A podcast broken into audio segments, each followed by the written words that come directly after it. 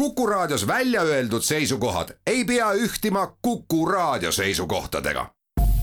Te kuulate Kuku Raadiot. keskpäevatund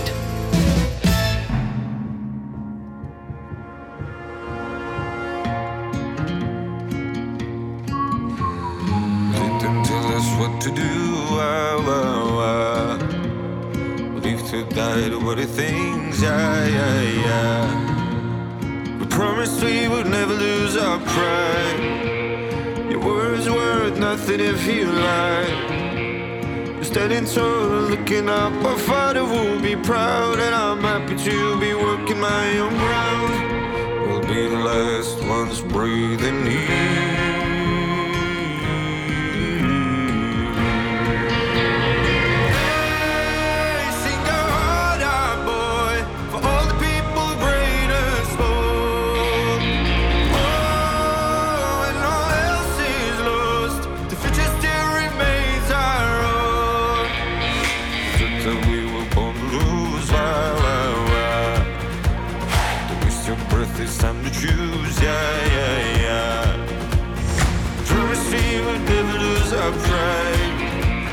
Day they try to turn it into lies.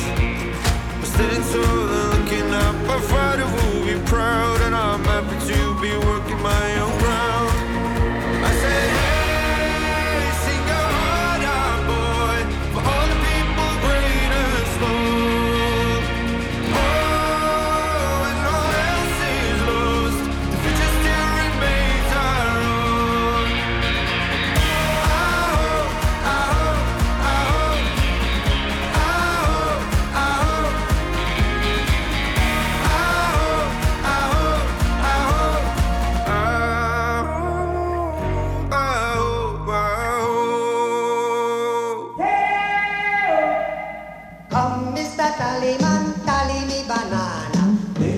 uudiseid koduvabariigist. tere, siin Keskpäevatund ja Kuku raadio Tallinna stuudios Ainar Ruussaar, Heldur Meerits ja Priit Hõbemägi. Armeenia päritolu Eesti laulja Stefani laul Hope on omandanud tänaseks hoopis uue ja laiema tähenduse, sellepärast et maailmal on lootust ju väga-väga vaja. lootust on vaja nii Ukraina sõja lõpetamiseks, nii Venemaa kui kurjuse impeeriumi keskpunkti löömiseks, nii poliitilisteks kokkulepeteks Eesti erakondade vahel ja muidugi ka Eurovisiooni lauluvõistluse lõpphääletamise heaks. nii et äh, laul on midagi sellist, mis väljendab endas neid mõtteid, mis väga paljude inimeste peades praegu liiguvad, aga meie läheme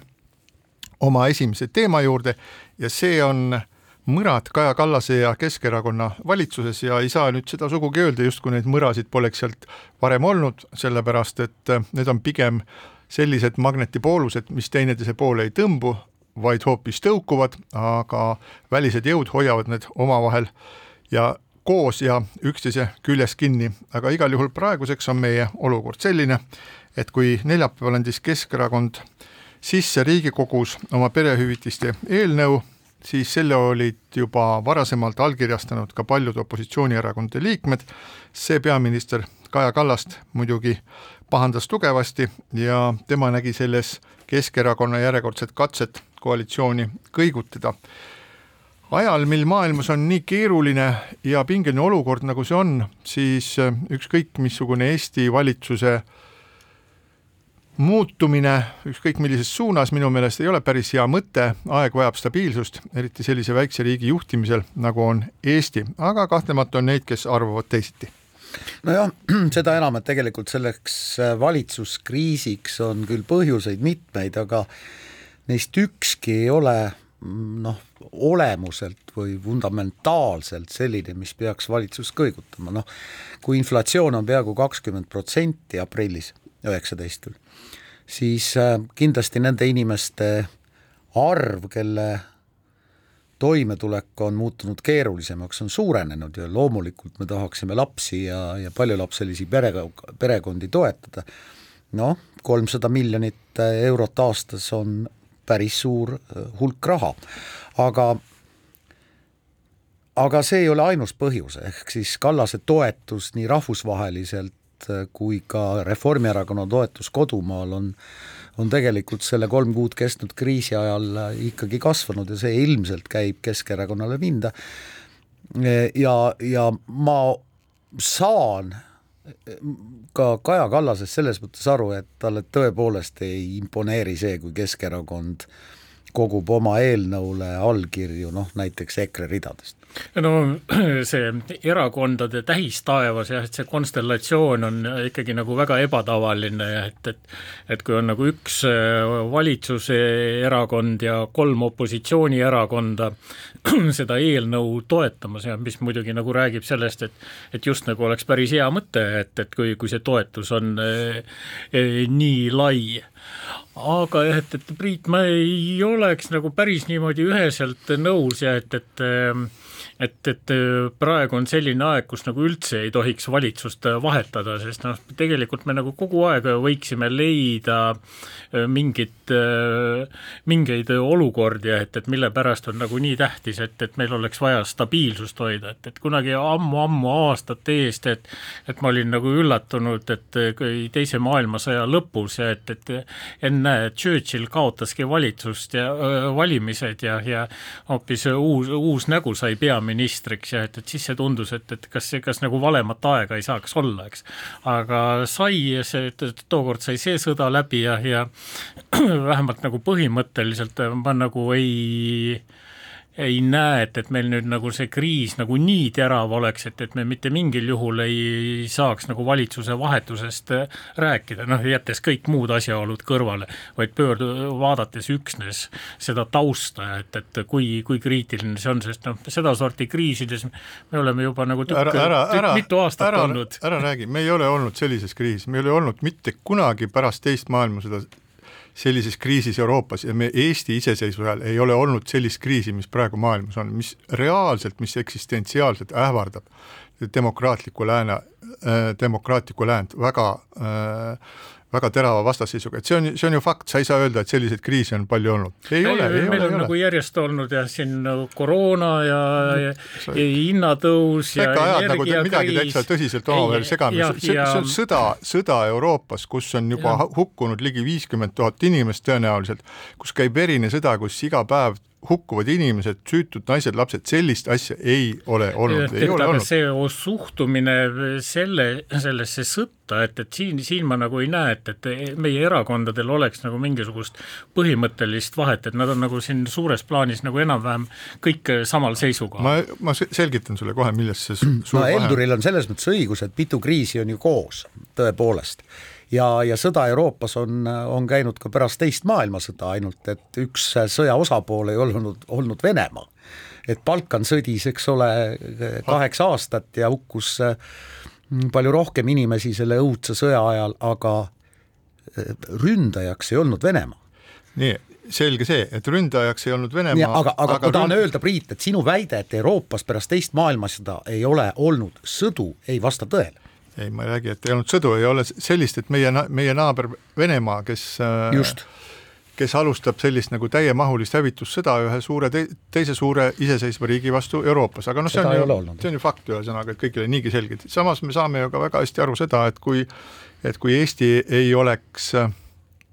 praegu NATO liige, siis äh, me võiksime lihtsalt nagu visata kulli ja kirja selle kohta, et kas ähm, rünnak oleks toimunud siis Ukraina suunas või oleks toimunud näiteks Eesti, Läti ja Leedu suunas, et äh, seda me, seda me võime väga vabalt endale ette kujutada, aga minu point on tegelikult hoopis muu, me nüüd takerdusime sellesse vaidlusse, minu point on see- et et kui tuleks välja sellest nagu väiksest arutelust, et siin nagu et Keskerakond ja Reformierakond ja ük, üks ei ole saanud siin oma, tema minister ei ole piisavalt palju rääkida saanud, et kui me, me, ma arvan, et me peaksime vaatama praegu nagu laiemat äh,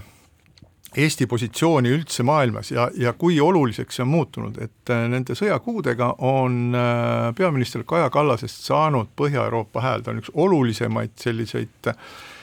rääkijaid, kes kogu aeg õhutab tagant, et Ukrainat tuleb aidata, see, kuidas Eesti aitas siis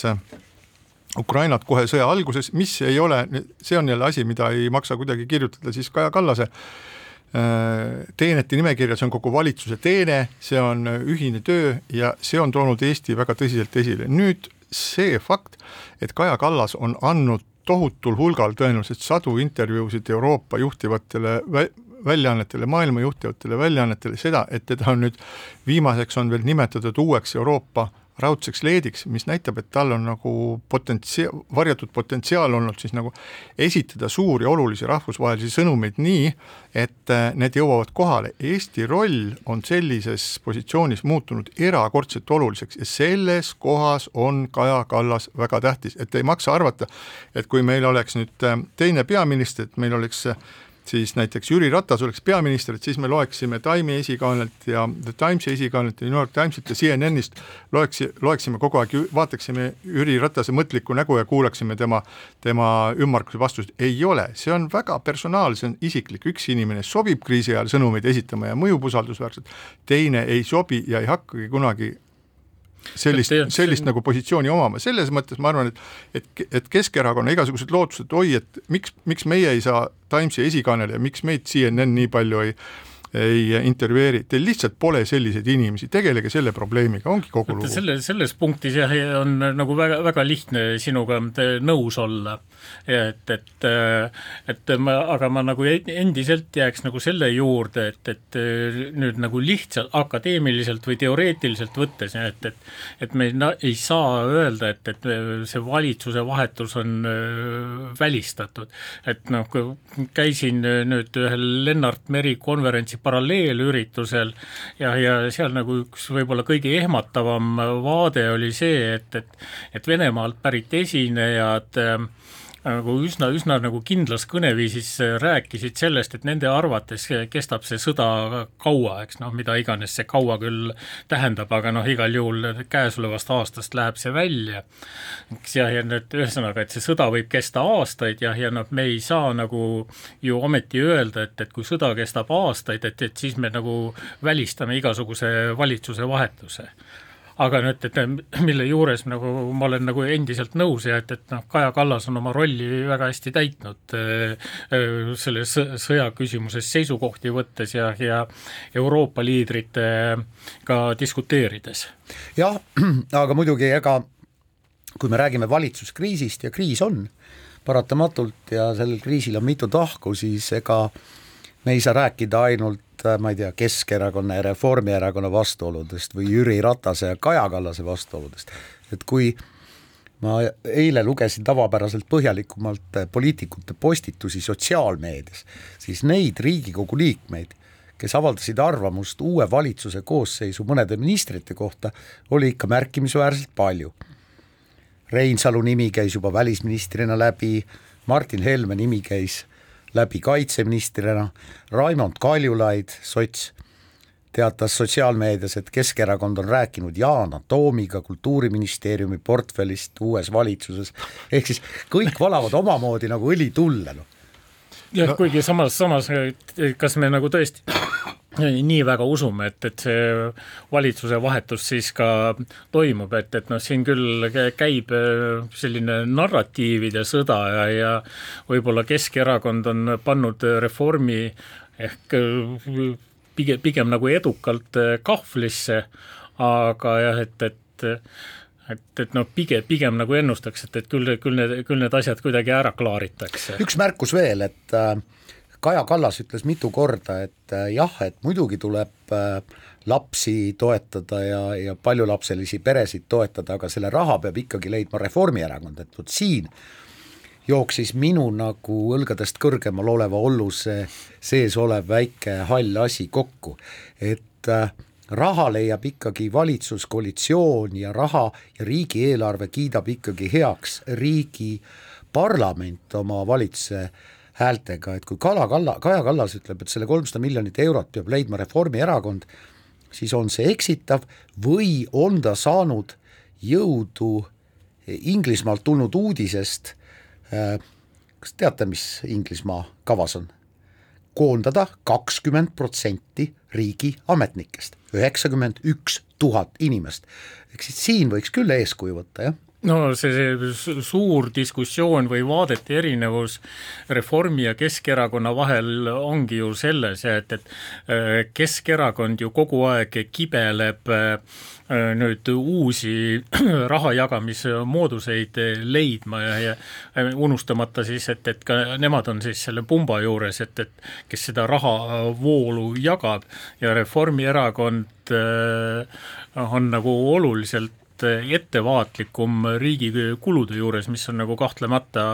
sümpaatne vaade. et aga noh, et, et see ongi seesama küsimus ka, et, et kas, kas me peaksime riigina võtma väga palju laenu või me ei peaks üldse riigile, riigina laenu võtma või on see tõde seal kuskil vahepeal, praktikas me juba nagu näeme, et, et et meie need riigieelarve puudujäägid on täitsa arvestatava numbriga. kahju on see, kahju on sellest, et ainult kümme kuud on parlamendivalimisteni ja ilmselt mitte ükski erakond ei ole valmis tõsiselt alustama enne parlamendivalimisi maksudebatti. ma arvan, et üleüldse, ma arvan, et erakonnad ei, tegelikult ei taha hakata mingisugust uut valitsusvastutust võtma, sellepärast et jah, kümme kuud, seda aega tahaks rahulikult kasutada nüüd oma äh, selleks äh, kampaaniaks, inimestele sisendada mitmesugustel viisil, et just äh, nendega on kõige parem edasi minna, et riik on tugevam ja, ja turvalisem ja kõike seda, mida siis üks riik oma kodanikele peab pakkuma, aga kui sa mõtled, et sa pead nüüd siis jätma selle kampaania sinnapaika ja istuma valitsuses ja tegelema siis selliste asjadega nagu Ukraina sõda ja pagulaste küsimus ja siis igasugused muud asjad, no selge on see, kuhu see aur siis lõppude lõpuks läheb, et selles mõttes on nagu Reformierakonnal, kuigi ma ei ole mingisugune Reformierakonna äh, nüüd fänn, ärge nüüd seda minust ka hakake kahtlustama, aga ma olen, ma olen selline, ma vaatan pragmaatiliselt, et mida siis keegi teeb ja mis on hetkel suuremas plaanis Eestile kasulik ja mis ei ole, et see, et Reformierakonna ammu, ammu tuntud ja teada selline suhteliselt äh, ülbe käitumine, mis nüüd on kippunud jälle välja lööma, siis ka Kaja Kallases tundub, et minu jaoks on nagu antud juhul nagu mitte asjakohane, aga see, mis äh, see, et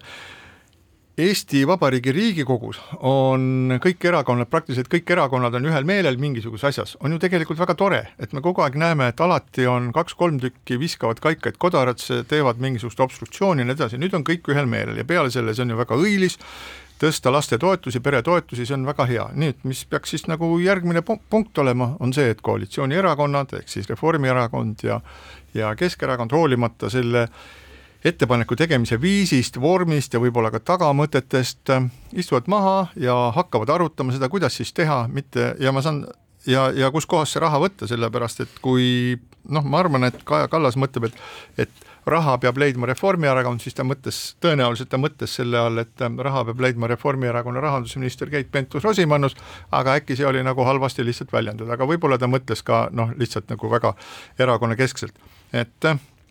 mis siis on, nad inimesed on harjunud seal omavahel läbi rääkima, istuvad maha, ütlevad, no nii, Jaanus, siin tule, kuule, tule korraks sealt Haapsalust nüüd kuule Tallinnasse ja arutame nüüd, kus kohas sinu meelest see raha lastetoetusteks tuleks võtta, kust me hakkame maha tõmbama, kas tõmbame, kuule Jaanus, tõmbame selle täiesti mõttetu ja jampsliku selle, selle Haapsalu raudtee ikkagi maha. See on muidugi idiootsus täielik, kellele seda vaja on, ühesõnaga tsaaride lõbu, jätame selle ära, teine asi, mida võiks siis teha?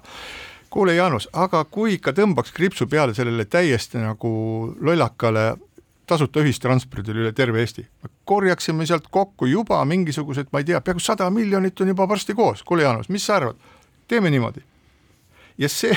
seda, sellist diskussiooni võiks pidada juba avalikult, me saaksime kõik äh, jälgida, kuidas meie ühist raha siin jagatakse ja kelle oma rohkem, kelle oma vähem ja mis tulemused sellel on, aga kokkuvõttes ma tahaksin öelda seda, et äh, isegi nii äh, krutskilikul viisil esitatud äh, ettepanekut tuleks hakata arutama asjalikult, sellepärast et põhimõtteliselt on see idee on hea, seda nagu näha, terve Riigikogu toetab, nüüd tuleks leida viis, kuskohast seda raha leida ja millal selle asjaga kõigega tegeleda ja see ei pea olema tingimata homme, aga võib-olla nädala pärast. ja, ja see on selline otsus, mida äh, sisuliselt ei saa tagasi keerata, kui see on vastu võetud. see otsus tähendab seda, et see tähendab äh, püsikulu,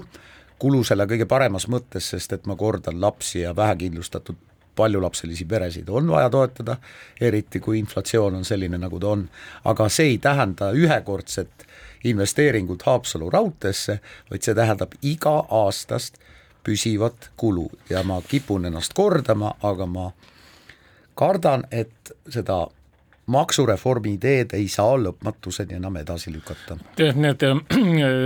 valitsuse ja Riigikogu otsused, et need on nagu väga, väga erinevate ajahorisontidega ja et, et mõni asi puudutab järgmist nädalat, mõni puudutab järgmist aastat, aga nüüd seesama laste ja peretoetuste äh, asi, et, et see, selle mõju on tegelikult aastakümneteks, noh muidugi peab selle juures meenutama, et, et raha on nagu ainult üks, üks element,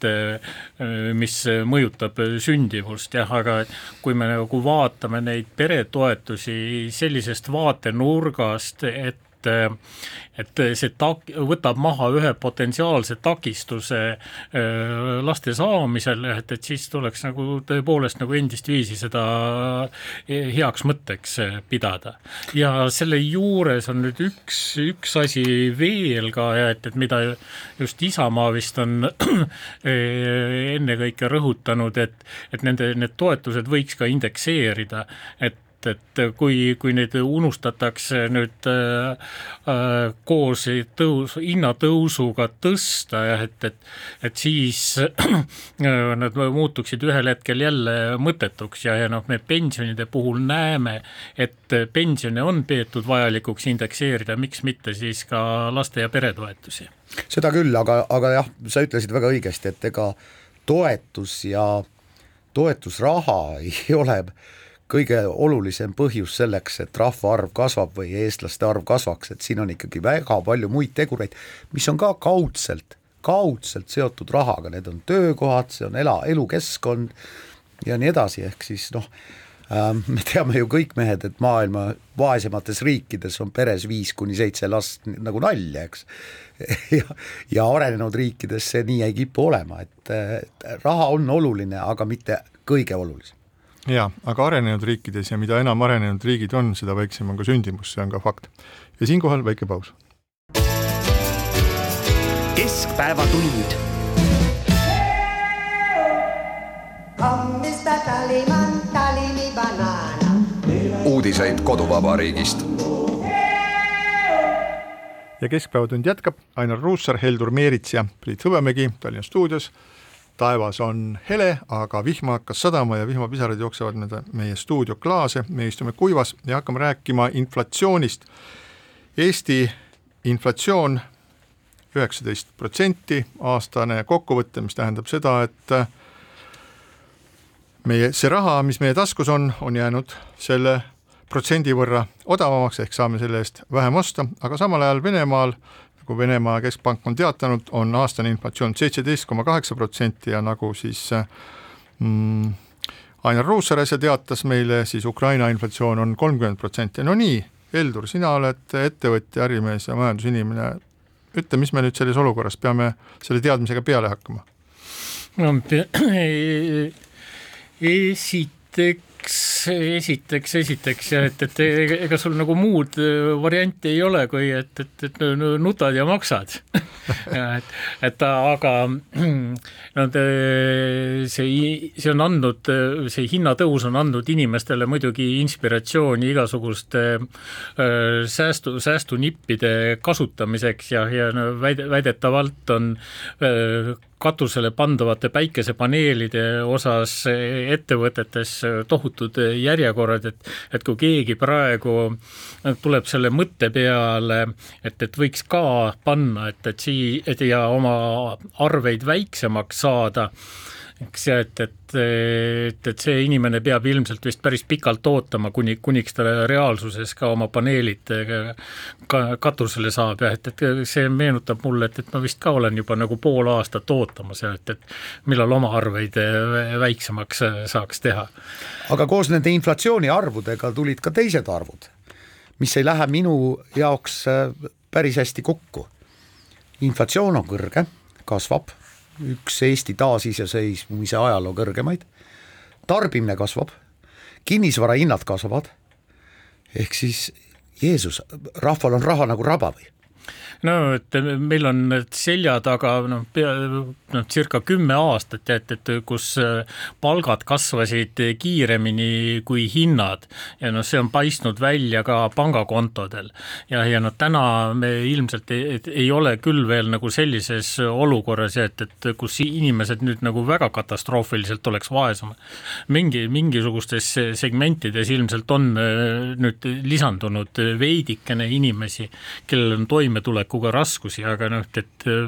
tänase seisuga me veel ei näe seda, et ja noh, see tegelikult tekitabki selle küsimuse, eks, et kas riik peaks olema meil nüüd see kindlustusselts ja et, et mis kõik need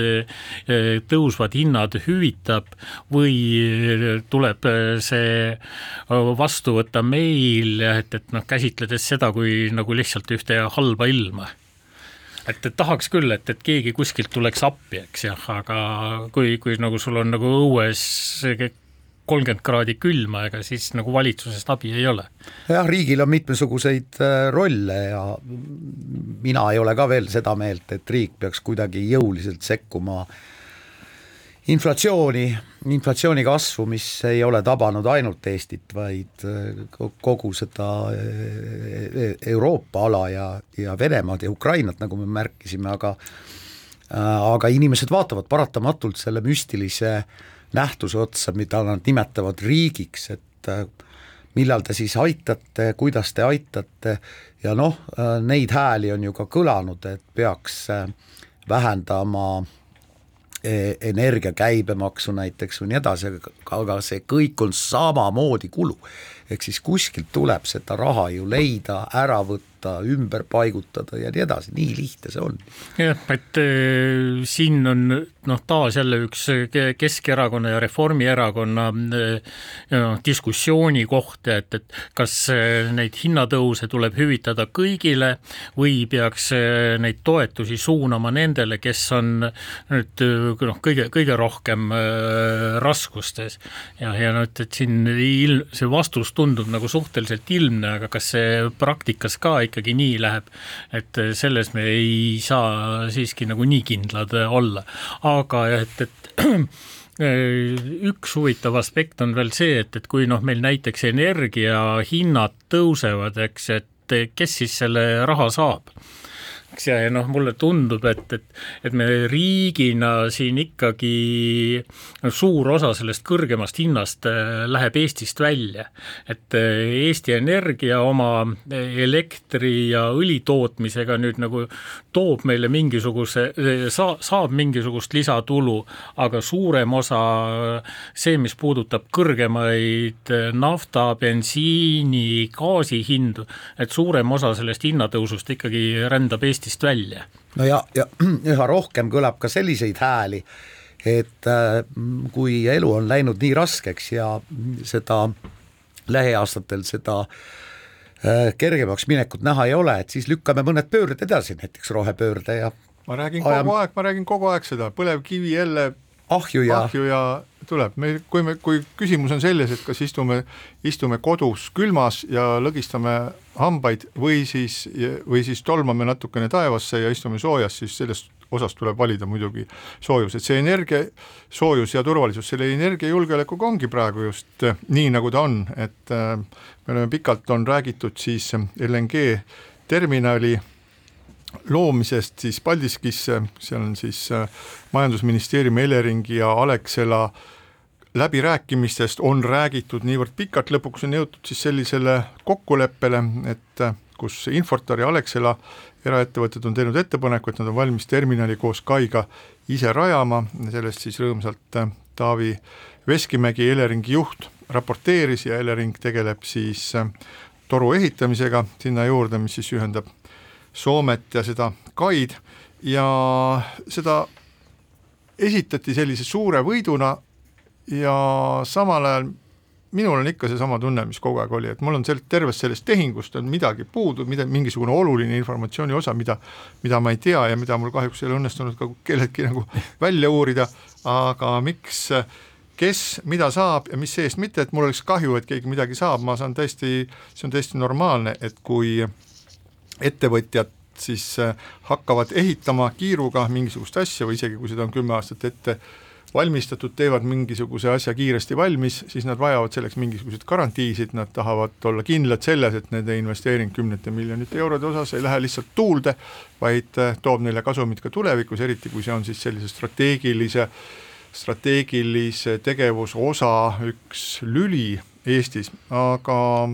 sellest hoolimata ma jään selle juurde, et me saame midagi, midagi me saame Majandusministeeriumi Alexela ja Eleringi kokkuleppest veel teada lähinädalatel, mis meid üll-, üllatab, aga mis see on, ei oska praegu arvata. et äh, vahepeal tundus, et, et see kokkulepe jääb üleüldse sündimata ja mis oleks nagu tähendanud seda, et, et et ka selle gaasivarustuse osas äh, oleks lünkasid tulnud, mis omakorda tõstis terve hulga e-, ettevõtteid tagajalgadele, aga jah, et, et et vähemalt nagu mingit, mingit sorti põhimõtteline kokkulepe tundub olevat, noh kuigi saatan on sageli detailides ja, ja et, et tundub, et, et seda detailset kokkulepet ei ole veel paberil ja aga aga noh, mis jäi kõigist sellest arutlemistest kõrva, eks, et, et noh, üld, üldiselt arvan majandusminister Taavi Aasast hästi, mu meelest on ta niisugune üsna analüütiline ja rahulik eh, tegelane.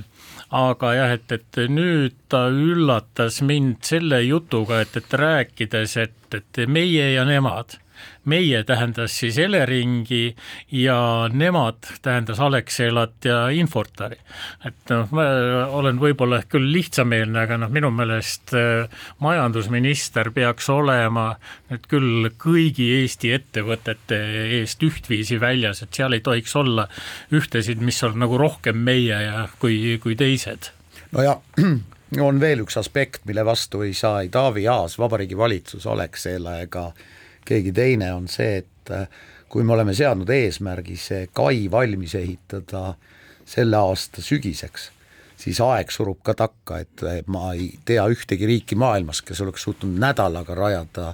korraliku merekai. see Taavi Aasa intervjuu, mis on ERR-i portaalis, see on väga huvitav, eriti noh, tavaliselt inimesed ei viitsi ju kuskil sinna loo lõppu lugeda, aga siin on paar väga põnevat punkti, mis jätavad hästi olulisi äh, otsi õhku, küsimus siis on selline, aga mis saab siis Eesti ja Soome süsteemihaldurite koostööleppest, et hankida ujuvterminal, alguses pidi ju siis koos hangitama ujuvterminal, mille lõplik asukoht pidi olema Soomes ja sellele vastab siis Veskimägi, ma täna oma Soome kolleegiga rääkisin, eks see on üks selline punkt, mis tuleb soomlastega selgeks rääkida, ehk et mingi, midagi jälle räägiti ja järgmine küsimus on siis see, et Soome hakkab siis Alexelalt LNG-d ostma ja vastab Taavi Veskimäe, mina ei ole kindlasti õige inimene Soome plaane kommenteerima ja ei ole olemas ka sellist ostjat nagu Soome, on konkreetsed gaasitarbijad, kes gaasi ostavad. ja nii edasi ja nii edasi, et tegelikult nendest vastustest äh, saab ka mitte väga kogenud intervjuude lugeja saab aru, et siin on hästi palju lahtiseid otsi, mida me tegelikult veel ei tea, et kuidas siis äh, see algne plaan, et mõneks aastaks on siis ujuv, ujuv tanker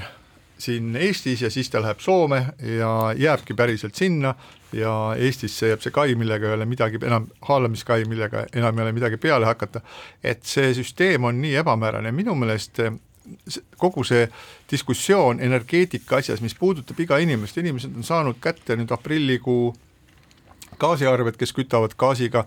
siis kas oma kodu või teevad süüa ja näevad väga selgelt, et toetust enam ei ole, et numbrid on palju suuremat, Eesti Vabariik teatavasti peaministri isikus on ka teatanud seda, et selle aasta jooksul lõpetatakse Vene gaasi ostmine, nii et igal juhul selle gaasi hind muutub meil, vaevalt et ta langeb, kindlasti ta tõuseb kõrgemaks, aga segadus selles osas, kus kohas seda siis hakkab tulema, kuidas hakkab tulema, see, et hakkab tulema, ma arvan, et see on päris kindel, et sellega saadakse hakkama. aga kuidas, kes, mida, kellele, kui palju, see on esialgu selline äh, väga udune asi ja minu meelest selles diskussioonis peaks nüüd Elering peaks selge, selget juttu rääkima, et minule hakkab põhimõtteliselt vastu, kui Taavi Veskimägi, kes on sellise riigi, riigi, siiski riigiettevõtte juht, ajab sellist ebamäärast juhtu, et ma nüüd päriselt ei tea, et seal Soomes, Soome pole ka mingi ostja ja seal on nii ja seal on naa, et see lihtsalt ei sobi, ma tahaks, et Eesti Vabariigi kodanikud saaksid selgelt aru, kuidas selle asjaga siiski lood on no et äh, praegu on need asjad muidugi ka protsessis ja, ja noh, järjest nagu selguvad võib-olla, et et nagu ei olegi Taavi Veskimägil olemas seda nii-öelda lihtsat ja selget vastust jah, aga noh, et, et vähemalt loodaks, et see nädala või kahe pärast on, on see lihtne ja selge ja konkreetne vastus juba olemas. no ja sa kujuta ette, et esitatakse küsimus näiteks siis äh, Eesti Rahvusringhäälingu juhatuse esimehele, et kuidas siis on, et kas teil tuleb siin mingi vene või ukrainakeelne kanal või, või ei tule, ta ütleb ei no jaa, et ega ma ei ole kindlasti õige inimene seda vastama, eks siin tuleb Venemaaga rääkida, tuleb Ukrainaga rääkida, üldiselt me peame siin mitmesugustest asjadest omavahel rääkima, päris täpselt seda asja ei tea, aga küll see aeg siis seda kõike näitab. et inimesed, kes äh, tegelevad nii oluliste asjadega, mis puudutavad praktiliselt iga Eesti elanikku, peaksid hoolitsema selle eest, et jutt on selge, arusaadav, ma tean, et äh, on olemas selliseid inimesi, kes suudavad neid äh, selliseid asju sõnadeks vormistada ja aidaku siis oma ülemusi ja siinkohal väike paus. keskpäevatund.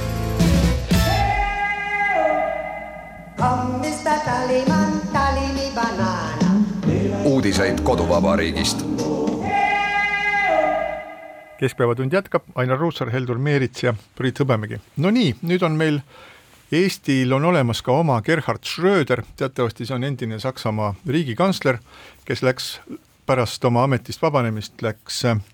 Venemaa teenistusse. Suurte pankade ja Gazpromi juhatuste liikmeks, on aidanud jõuliselt läbi lükata nii Nord Stream ühte, mis Venemaalt gaasi Saksamaale tööb, kui ka Nord Stream kahte, millele õnneks löödi punn ette, enne kui sealt hakkas haisu tulema Venemaa poolt,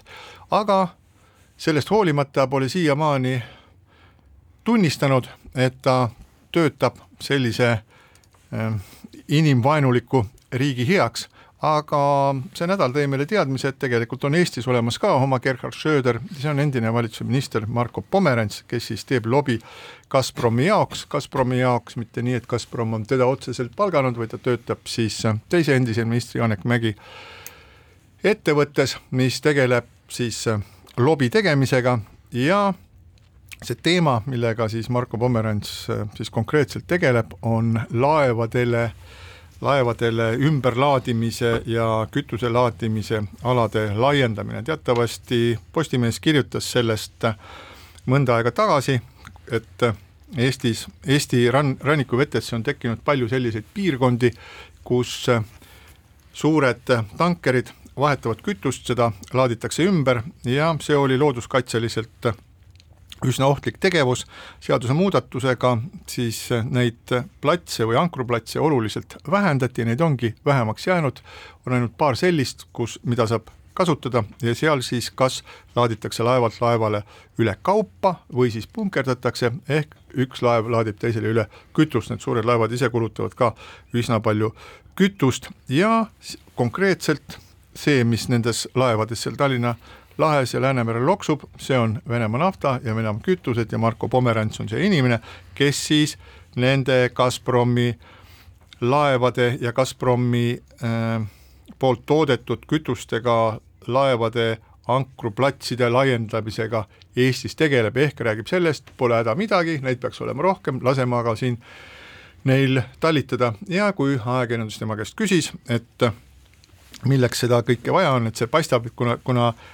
just nimelt kütuse müük, nii-öelda toorainete müük on see, mis Venemaa sõjamasinal Ukrainas üldse praegu veel hinge sees hoiab ja see raha on väga suur, mis tuleb, siis ütles, et kas see nii-öelda ei ole siis, ei käi, kas see moraalselt on õige, mida te teete, siis vastas äh, Marko Pomerants umbes nii, et kui ei meeldi, et las siis riik keelab ära, niikaua kuni pole keelatud, et võib sellega tegeleda. no minu meelest on selline moraalne positsioon vale, eriti hull on see, kui endine riigiminister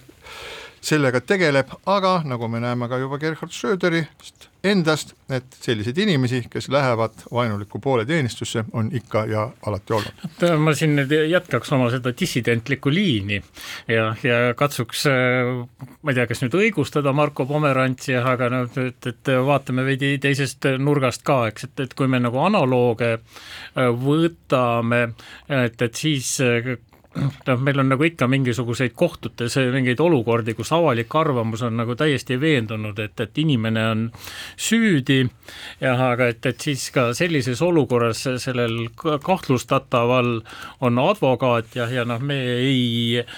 nüüd ei ründa seda advokaati sellepärast, et ta kaitseb,